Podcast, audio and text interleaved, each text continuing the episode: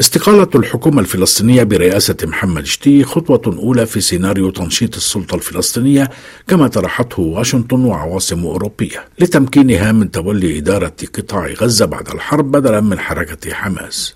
والمرجح أن يكلف الرئيس محمود عباس رئيس صندوق الاستثمار الفلسطيني محمد مصطفى تشكيل حكومة جديدة ستكون تكنوقراطية وليست سياسية أو فصائلية. وتنعقد بدءا من اليوم في موسكو اجتماعات لممثلي الفصائل الفلسطينية للبحث في متطلبات المرحلة المقبلة بعد الحرب. والهدف إحداث اختراق في ملف المصالحة وإنهاء الانقسام. وتأمل أوساط فلسطينية متعددة التوجهات في أن تتوصل هذه الاجتماعات إلى اتفاقات كي تفتح الطريق أمام الاستحقاقات العاجلة المطلوبة. وأهمها تشكيل قيادة موحدة والتوافق على برنامج سياسي وإعادة هيكلة منظمة التحرير الفلسطينية لضم حركتي حماس والجهاد إليها. وإذا لم تنجز هذه الخطوات فإن أي حكومة جديدة لن تتمكن من العمل إما بسبب عراقيل ستوضع أمامها وإما لأن الخطط الإسرائيلية ستواصل إضعافها. ومع قبول الدعوة الروسية شددت حركة فتح على ضرورة التزام الجميع البرنامج السياسي لمنظمة التحرير واحترام الاتفاقات الدولية.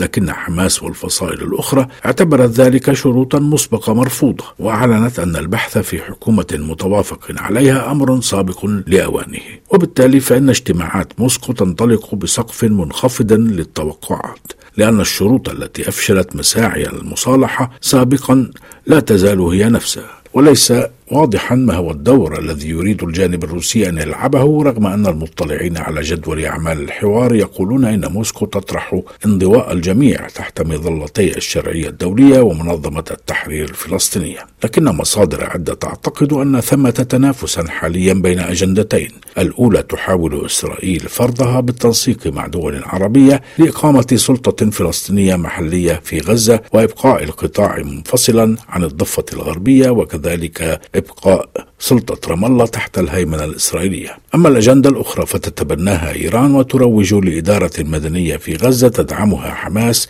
حتى بعد نزع سلاحها لكن بمعزل عن السلطة الفلسطينية. وهكذا يبدو أن اليوم التالي بنسخته الفلسطينية سيستغرق وقتا قبل أن يتبلور.